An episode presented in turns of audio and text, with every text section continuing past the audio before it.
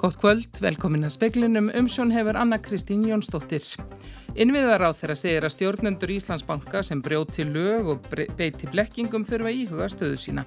Forsættisir á þeirra segir að skýrsla um sölu og hlutur ríkisins í bankanum síni að eftirlitið virkar. Stjórnvöldi NATO-ríkjum sem eiga landamæra Belarus óttast komu Vagner hreyfingarna þangað. Breyta á reglgerðum um útlegu hoppukastala sem hefur verið án eftirlit svo ekki leifiskild.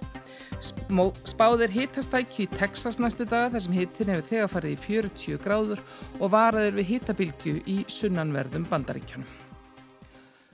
Forsættisráð þeirra telur ekki að stjórnvöld hafi verið of bláeig með því að treysta stjórnendum Íslandsbanka fyrir sölu og hlut í bankanum.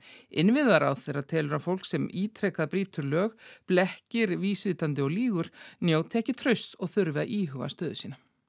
Ráþæru nefndum efnagasmál kom saman til fundar í dag og kallaði fulltrú og fjármál eftir í Sælabankars á fundin til að fara yfir skýslu eftirlitsins um Sölun og Íslandsbanka. Forsættisráþara segir það að veri gert til að fá nánari einsýn í málið. Katrín segir fundin í engu hafa breytt skoðin hennar á málinu sem sé að skýrslans í áfellistómir yfir vinnubröðum Íslandsbanka. Fara hefði átt sérstaklega varlega þar sem lítir reynsla hefði verið að sölu aðferðinni, bankin hefði verið að selja úr sjálfun sér og það er ríkisegn. Vinnubröðin hafi því verið ámælisverð og brot á reglum. Að spurgkorta stjórnvöld hafi verið á bláeg og einfallega treyst á að allt væri í lægi með vinnubröðbankans, segir Katrín. Er einhverjir brjóta reglunar og brjóta lögin. Þá er það nú alltaf augljóslega uh, erfitt að, hérna, fyrir stjórnvöld að gera neitt annað en því en einmitt að hafa eftirlitstofnanir sem virka og mér finnst skýslan segja okkur það og þarna er eftirlit sem virkar og það er alveg ljóst að stjórnendur bankans þurfa að axla ábyrð á þessum uh, vinnubræðum. Sigur Ringi Jóhansson innveðar á það tekur undir um ábyrð stjórnenda Íslandsbanka. Já, ég held að það megin og segja að, að það sjáu það hvert mannsbarn á Íslandi að þegar um ítrekkuð lögbrót, vísvítandi blekkingar og, og, og lígar er að ræða að þá sé nokkuð augljóst að fólk sem að stendur fyrir því njóti ekki trösts og þurfum við augljóslega að íhuga stöðu sína. Ég er mjög ánæður með að Bankars Íslands er búin að óska eftir hlutafundi og ég trú ekki öðru en að aðrir hlutafar en ríkið séu sömu skoðunar. Saði Sigurður Ingi Jóhansson, Haugur Holm tók saman og efnags og viðskipta nefnd alþingis heldur fund, opinn fund eftir hátegi morgun vegna brota Íslandsbanka við sölumerferð á sölun og eignar hlut ríkisins í bankanum. Gestir frá Sæðlabanka Íslands og Bankasíslu ríkisins koma á fundin og síðar speklunum verður áframrætt um tröst og trúverðuleika. Útlega hoppukastala er ekki leifiskild starfsemi og ekkert formlegt eftirlitir með henni. Staðgengil forstjóra umhverjastofnar segir að breyta í reglugerðum. Gerstur skemmtigarðsins í Grafavogi tóku eftir því um helgina að hoppukastalar þar voru ekki festir við jörð. Skemmtigarðurinn hafi kastalana á leigu. Slis varð á Akureyri sumari 2021 þar sem hoppukastali fauk með þeim afleiðingum að börn slösuðust alvarlega. Í því máli hefur verið deilt um hvar ábyrðin liggi, hjá þeim sem áttu kastalan eða þeim sem höfðu umsjón með honum. Elva Rakel Jónsdóttir, staðgengið forstjóra umhverjustofnunar, segir að hoppukastalar sem reknir eru staðbundiði þar til gerðum görðum séu starfsleifiskildir og undir eftirliti hjá helbriðiseftirlitum. Það vantar hins vegar að byggja upp skilgörningu á því hvernig ég haga eftirliti og starfsleifiskildu með þar sem verður að bjóða upp aðgengja hoppukastalum sem hafa verið leiðir. Þetta kemur heim og saman við svar heilbreyðis eftirlits Reykjavíkur við fyrirspurt fréttastofi. Þar segir að skemmtigarðurinn í Grafavogi hafi starfsleifi sem slíkur en heilbreyðis eftirliti gefa ég jafnaði ekki út leifi eða hafi eftirlit með einstökum hoppuköstulum. Kastaln og Akureyri var líka settur upp tímabundið. Elva Rakel segir hafa staði til að breyta reglum í kjölfarslisins fyrir norðan. Reglugjær sé tilbúin í ráðuneytinu en í hana þurfi að bæta ákveðum um kastalar sem settir sér upp tímabundið. Ég myndi brína það fyrir öllum fóröldurum að kanna alltaf þegar við koma að hátukastala hvort hann hafi verið festur niður og ef ekki að þá bara alls ekki lega barnir að fara í kastalan og láta rækstraðalan vita á staðan. Saði Elva Rakel Jónsdóttir, Ástallín Magnúsdóttir tók saman. Yfirvöld í Pólandi, Lettlandi og Litáin óttast komu Wagner málulega sveitana til Belarus. Þau hvetja NATO til þess að ebla viðveru sína í austustu bandalagsríkjunum til að gæta öryggistera. Ríkin þrjú eru þau einu innan NATO og Evrópusambandsins sem eiga landamæri að Belarus. Jefgeni Príkosín yfir maður Wagner Hersins er komin til Belarus að sögn Alexander Lukasjenka fórsetta landsins. Fyrir í dag bárust fregnir af því að flúvél sem talin er í eigu Príkosín hefði lendi í Minsk. Príkosín leiti uppreysn í Rúslandi um helgina sem Pútín Rúslands fórseti kallaði landráð. Honum var veitt sakar uppgjöf eftir viðraður við Lukasjenka á laugardag gegn því að hann færi frá Rúslandi til Belarus og voru öll mál gegn Wagner í Rúslandi láti niður falla í dag. Rúslands her ætlar að leggja hald á hergögn sem voru áður í eigu Wagner reyfingarinnar til að mynda skriðdreika og önnur breynvarin faratæki. Lukasjenka sagði í dag að hann hafi kvart Pútín til að þyrma príkosín og að belarúski herin geti lært margt af sveitum Wagners. Robert Jóhansson saði frá. Kynntar að veri hugmyndir í ríkistjórnu um að kaupa færanlegar einingar til þess að koma mögulegum móttöku búðum flótamann á fót hér á landi. Þetta segi Bjarni Bendiktsson fjármálar á þeirra sem telur að slíkt gæti gagnast hér. Það kostar okkur um það byrj 350.000 krónur fyrir hvern einstakling sem að býður eftir svari frá íslenska stjórnkerfunu á mánuði uh, að höndla þessar umsóknir og uh, þetta getur einfallega ekki gengið svona lengur. Uh, móttökubúður er úrræði sem er alþekkt á Norðurlöndunum, uh, viðkentum alla Evrópu til þess að stjórnöldun takist að hafa stjórn á málsmeðferðinni saði Bjarni Bendiktsson. Um þeirra tafir hafi verið á Vesturlandsvegi átt frá Moselsbæin þar var minniháttar áreikstur síðdeis. Þrýr lendu í slísinu en fór betur en á horðist. Sangand upplýsingum frá slökkviliðin og höfuborgarsvæðinu var að minnst að kosti einn fluttur á slísadel til skoðunar en frekari upplýsingar líkja ekki fyrir. Ekkert lát er á hitabilgju sem hefur plagað Texasbú í meirinn tværi vikur. Hitin fór upp í 40 gráður í gær og áfram er spáð steikjandi hita út vikuna. Samkvæmt veðurspám breyðir hitabilgjan úr sér til nærlegjandi ríkja næstu daga. Í gær fór hitin upp í 40 gráður í Texas. Ritz Stöps, slökkvöldistjórun í borginni Vestlagó, segir að þegar hitti fari upp undir 40 gráður sé í raun eins og það séu upp undir 50 gráður, sögum raka í loftinu. Yfirveld hafa brínt fyrir fólki að drekka nóga vatni og forðast mikla útivist. Ekki hafa öll áti segjast því Palo Duro Canyon þjóðgarðinum hefur þurft að koma gungu fólki til bjargar vegna hittans marga daga í rauð. Næstu dagamun hittabilgjan hafa áhrif á um 45 miljónir manna. Gefnar hafa verið út viðvaranir vegna hitta í Oklahoma, Arkansas, Louisiana, Alabama, Mississippi, Nýju Mexiko og Arizona. Bandariska veðurstofan varar við því að hittabilgjan gæti orðið skæðari næstu daga, þar sem ekki á að kólna mikið að næturlægi. Á sunnudag var til að mynda 27 stiga næturhitti í borginni Midland í Texas sem er nýtt með. Ólöf Ragnarstóttir saði frá. Þreyfingar hafa verið á milli árvakurs og sínar um kaup árvakurs á bylgjunni. Þá kuð vefurinn vísir líka vera falur. Viðraður hóverst fyrir allt nokkru var hægt á tímabili en svo virði sem deilt hafi verið um verð. Sýnir sagt vilja fá á annan miljard króna fyrir útarstöðuna en á árvakur ekki þótt slikt ásættalegt. Viðræðum hefur ekki verið slítið samkvæmt heimildum rúf en lítið miðar vegna upphæðirnar sem beðið er um. Samkvæmt heimildum er vísir.is einnig til sölu en fregnir eru óljósarvarandi hvort sín sé viðræðum vegna sölu á vefnum. Þegar haftar samband við varaforman stjórnar sínar í dag vildi hún ekki tjásu um málið en ekki náðust í forman stjórnar Jón Skaftason sem tók við formensku sínar á síðasta ári og fer fyrir fjárfestingafélaginu Gavia Invest. Nokkuð hefur gustað um stjórn sínar en Þóraldur Gunnarsson, þá framgætastjóri miðla hjá sín, sagði störfum fyrir skömmu vegna átaka um egnarhaldi fjölmjölafyrirtækinu sem leitur til breytinga í stjórn félagsins. Valur Grettisson sagði frá.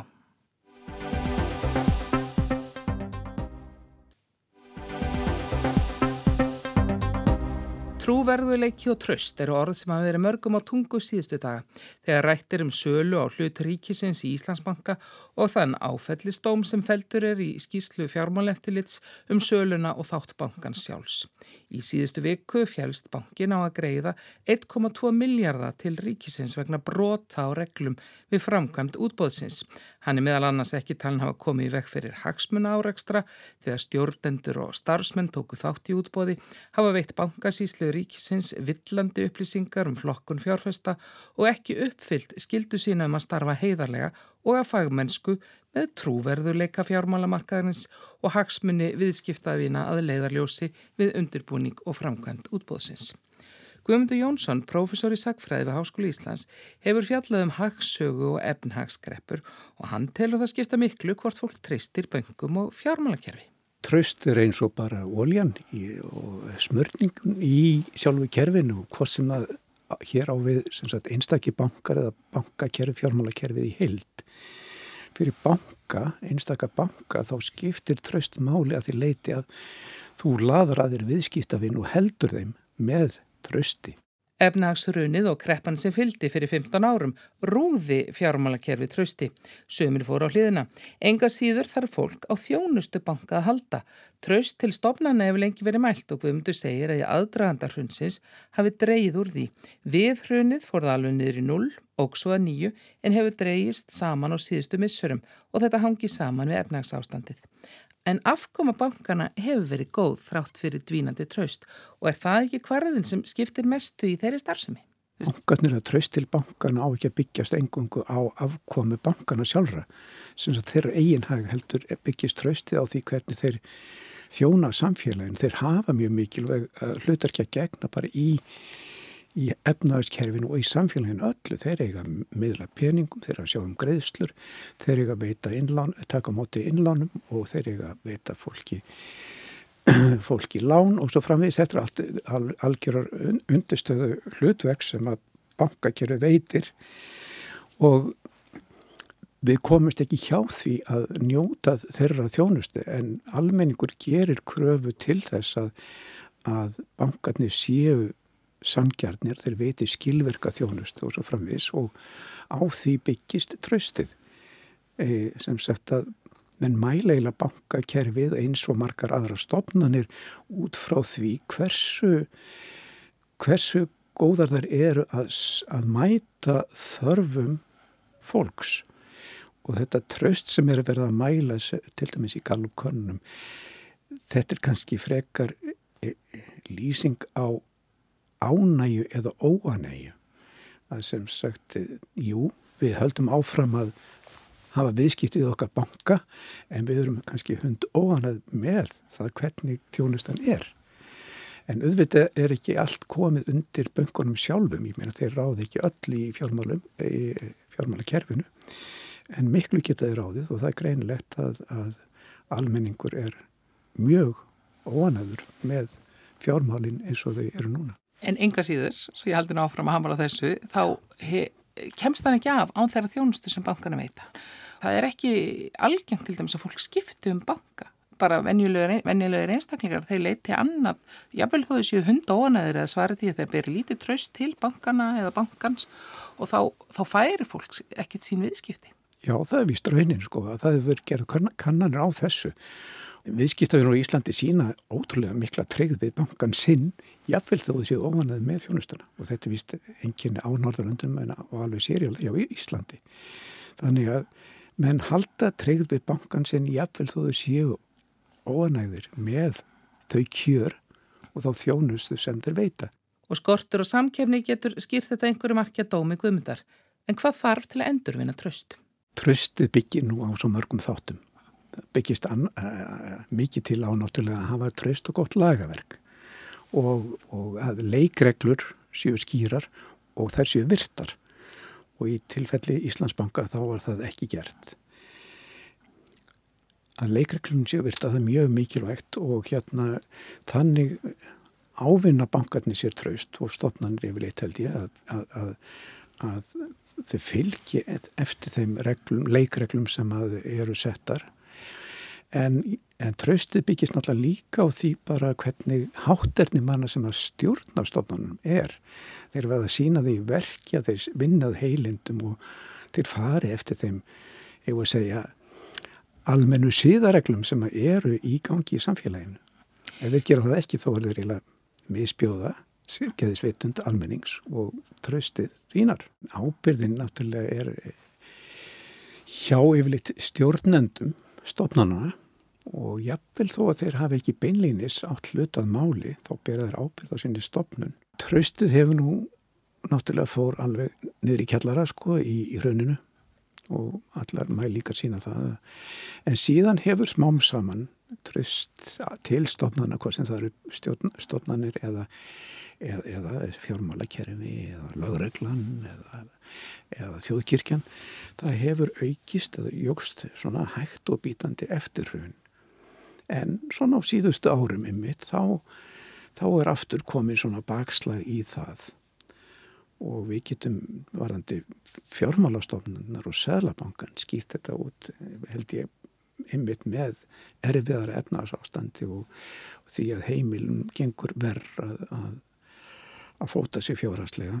Það er mikil umræða bara almennt, ekki bara hér heldur út í hinnum stóra heimi að það er að færast mikið vöxt tilfinning fyrir aukinu óvissu í lífi fólks menn tengja það hugdæki sem er kallað fragmentation á ennsku og vísa til þess að það verður gliðnun í allþjóðakerfinu og allþjóðastjórnmálum hvert ríki fyrir sig reynir að skapa sér besta stöðu. Að nokkur leiti er þetta bakslag í alltjóðavæðinguna eða nattvæðinguna þarna eru eftir kvöst þessar miklu frelsis eða frálsæðisvæðingar fyrir raun að koma í ljós. Og valda því að mörg ríki fara að hugsa bara meira um sjálf sig. Það stafa náttúrulega ímsu bæða þessari nattvæðingan líka áföllum sem hafa verið alltjóðakerfinu undan fyrir árum, bæði stríði í Ukrænu og augnar við sjármillir Kín og Bandaríkjanu og svo framvist. Þannig að það er þessi tilfinning um aukið óöryggi sem að hefur svo mikil áhrif í pólitík í ríkjana og kemur fram í vaksandi stöðningi við aukaflokka, sérstaklega til hægri og, og ég held að þessi svona hluti af þessum, þessir óanægi sem kemur fram gagvart pólitískum stofnunum, flokkum og líka þjóðþingum og ríkistjónum. Saði Guðmundur Jónsson. Fresta þarf þúsundum læknisaðgerða ef af fimm daga verkfalli unglækna á sjúkrahúsum á Englandi verður í næsta mánuði. Félag þeirra tilkynnti að þeir ætla að leggja niður störf klukkan 7. morgni, 5. daginn 13. júli og ekki mæta aftur fyrir enn þriðudagsmorgunin átjánda. Launadeila unglækna við stjórnvöld er sérstaklega hardvítug. Þeir segjast ekki fara fram á launa hækkun heldur leðrættingu. Þeir krefjist þess einungis að rauntekjur þeirra verði hinnar sömu og árið 2008 þegar tillit hefur verið tekið til verðbólgu. Að þeirra sögn hafa launin rýrnað um 26% síðastlinin 15 ár. Við það verði ekki unað. Að sögn breskra fjölmiðla er þetta 5 sólarhingaverkfall hefði lengsta í 75 ára sögu hinnar opimberu bresku heilsugæslu NHS ef af verður.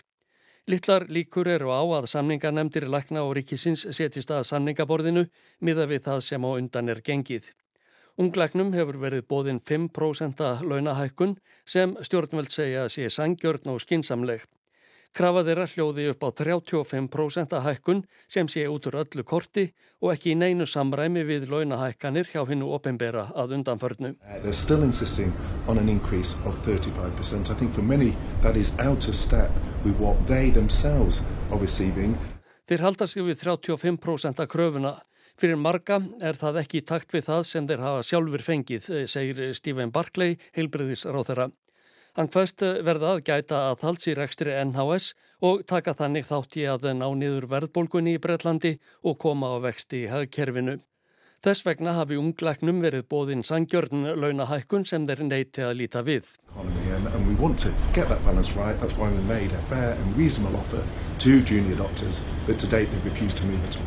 Robert Lorenzon og Vivek Trivedi eru í forsvari fyrir delt ungleikna innan bresku læknasamtakana BMA. Lorenzson sagðist nýlega vilja ræða deiluna við Rishi Sunak forsættis ráðara. Rishi Sunak should be actually meeting with us, making an effort to stop these strikes instead of hiding behind a health secretary who he has not empowered to give us a proper pay deal. Rishi Sunak ætti sjálfur að koma og reyna að koma vekk fyrir þessi verkföll í staðin fyrir að fela sig á bakvið heilbriðisráþarann sem hann hefur ekki gefið leifi til að bjóða okkur almennilegan launasamning, sagði Lorenzson. Unglagnar lagðu niður störf í þrjá sólaringa fyrir þessum mánuði, fjóra í april og þrjá í mars. Þessar aðgerðir hafa veruleg áhrif á ofinberu heilbreyðistjónustuna þar sem þeir eru 45% vinnuaflsins og tveir þriðju hlutaðar þeirra eru félagsmenn í bresku læknasamtökunum. Þeir benda ekki einungis á að þeir vilji fá launa leðrættinguna sem þeir segja sangjarna, heldur séu þeir umtalsvertu launa lagri en starfsbræður þeirra og sýstur í ýmsum öðrum löndum, svo sem Nýja Sjálandi, Kanada, Fraklandi og Ástralíu. Nýleg konnun meðal unglækna í breskulækna samtökunum leti í ljós að rúmlega helmingur þeirra hafði fengið tilbóðum að flytja sig til annara landa, þar á meðal frá stjórnmöldum í Suður Ástralíu sem lofa ríflegum launahækkunum.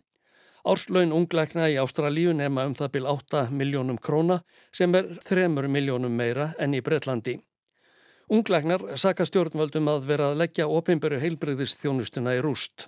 The NHS struggles every single day of the year because after 15 years of consecutive pay cuts we have a massive workforce crisis. NHS á í stöðugri baróttu hvern einasta dag ársins, saði Robert Lorenzson. Eftir stanslausa launalækkun síðustu 15 ár er stopnuninn að missa starfsfólk frá sér í stríðum ströymum. Þetta á ekki engöngu við um læknað hans sögn, heldur eignig annað sérmenta starfsfólk. Launin segir hann að séu ekki eina ástæðan fyrir því að starfsfólkið flýr, heldur einnig allt of mikið álag sem veldur því að margir gefast hreinlega upp. Ásker Tómasson tók saman. Í síðustu formensku tíð Íslands í því ágæta ráði, Norðurlandaráði, var sett fram ný framtíðarsín til ársins 2030. Samkvæmt henni eiga Norðurlundin meðal annars að verða samþættasta svæði heims fyrir þann tíma. Á grundvelli þessara sínar var gerð framkvæmda áallin fyrir árin 2020 til 2024. Nú hefur Ísland aftur tekið við formensku í ráðinu og að þessu sinn er það Guðmundur Ingi Guðbrandsson sem þar situr á formanstóli sem samstagsráð þeirra Norðurlanda. Hann segir unnið að því hörðum höndum í hinnum ímsu ráþæra nefndum ráðsins að tryggja að þessi framtíðar sín verði að veruleika. Og sá hluti sem að snýra samþættingunni eru þetta eitthvað sem að snertir líf okkar Norðurlanda búa mjög mikið. Eh, þegar við erum bæði að ferðast á millilandana en ekki síst þegar við flytjum á millilandana stundum nám eða atvinnu og um, það til dæmis kom upp nökrar núna þegar koronaviru faraldurinn gekk yfir á milli landamæra bæði Norris og Svíþjóð, Svíþjóður og Dammerkur sem að, að hérna, var kannski eitthvað sem að við áttum ekkert endilega von á en það átti engin von á þessari koronaviru uh, sem að svona setti í gang uh, já enþá meiri vinnu við það að, að halda áfram að takast á við þessar hindranir í kerfunum okkar sem að eru ennþá til staðar sömstaðar og eru kallaðar stjórnsýslu hindranir og norrænu samstagsráþeirarnir þeir eru uh, með starfandi á sínum vegum svo kallar stjórnsýslu hindrana ráð.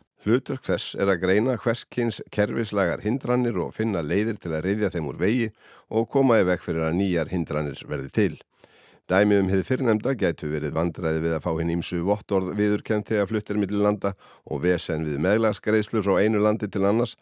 Og nýjar hindranir eiga það til að fylgja nýri tækni, jafnvel þótt markmiðið með henni sé einmitt að greiða fólki leið. Verkefni er að mínum að það er í raunin alltaf bringt vegna þess að með nýri tækni, með nýjum áherslum að þá verða til nýjar áskoranir í þessu. Eins og til dæmis bara við getum nefnt sem dæmi stafræna þróun. Nú höfum við lengi trúið því að, og verið talað trúum að Norrlandi séu eitt svæði og það eigi að vera hægt að flytja bara hvers sem er, hverna sem er og það sé ekkit mál. Er það raunin? Já, í rauninni við getum, við getum mjög auðveldlega flutt á milli landa.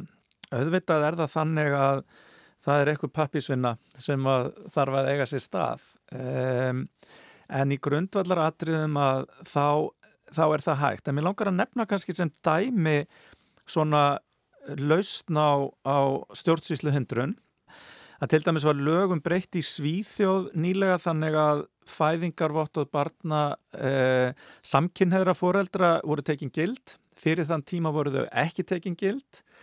Og í rauninni þegar að eh, og þetta var nú Íslandst par sem að, að hérna, leta reyna á þetta að ef að parið vildi fá það viðurkjent að þau eru bæði foreldrar þá þurfti annað foreldri að ætlaða barnið, sitt eigið barn. Þannig að nú er búið að kippa þessi liðin með lagabreitingu Svíþjóð og þetta er svona dæmi um hindrun sem er leist. Hvar kreppir skórin helst núna? Hvað var það samþættingu?